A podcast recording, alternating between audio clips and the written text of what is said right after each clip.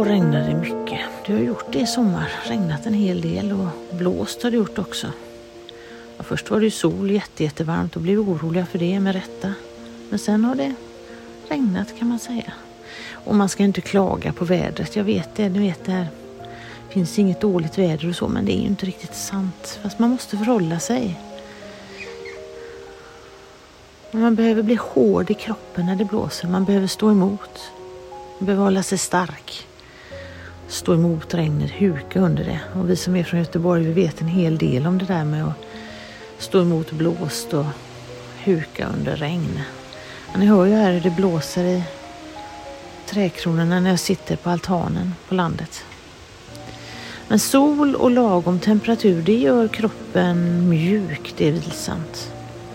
Eh, och inte sån där sol som jag hörde på radion att det är nere i Europa nu, värmebölja. Det var någon som hade 42 grader på altanen redan på morgonen. Det låter ju fruktansvärt. Eh, men när det är sol så behöver man inte planera en massa. Man kan liksom bara vara. Man kan sitta tillsammans om man är många. Ligga på en klippa, man behöver inte ens prata. Man kan blunda och bara lyssna på det som man har runt omkring sig. när det är dåligt väder då måste man liksom bestämma sig. Man får nästan eh, avge en avsiktsförklaring för vad som ska hända. Sen ska man genomföra det. Det är ansträngande.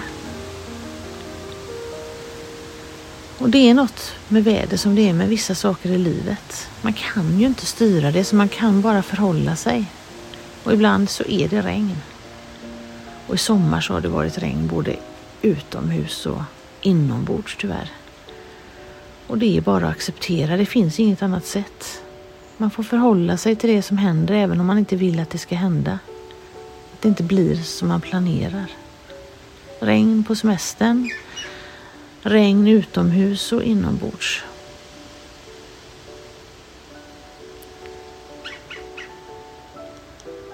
Ibland får man också en gröngöling som sällskap hör jag här.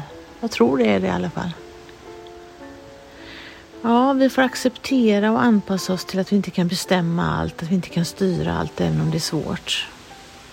Och så måste vi orka vänta på solen och ta tillvara på solglimtarna när de kommer, hur korta de är och jag vet att det låter superfånigt men det är ändå det enda som vi kan göra. Idag så vill jag plocka hallon, det känner jag. Och vildhallonsylt. När man gör vildhallonsylt, det är väl ändå bland det godaste som finns. Det vill jag göra idag och jag kommer att göra det. För jag kan bestämma över just det själv. Och jag ska fånga den där lilla solglimten idag.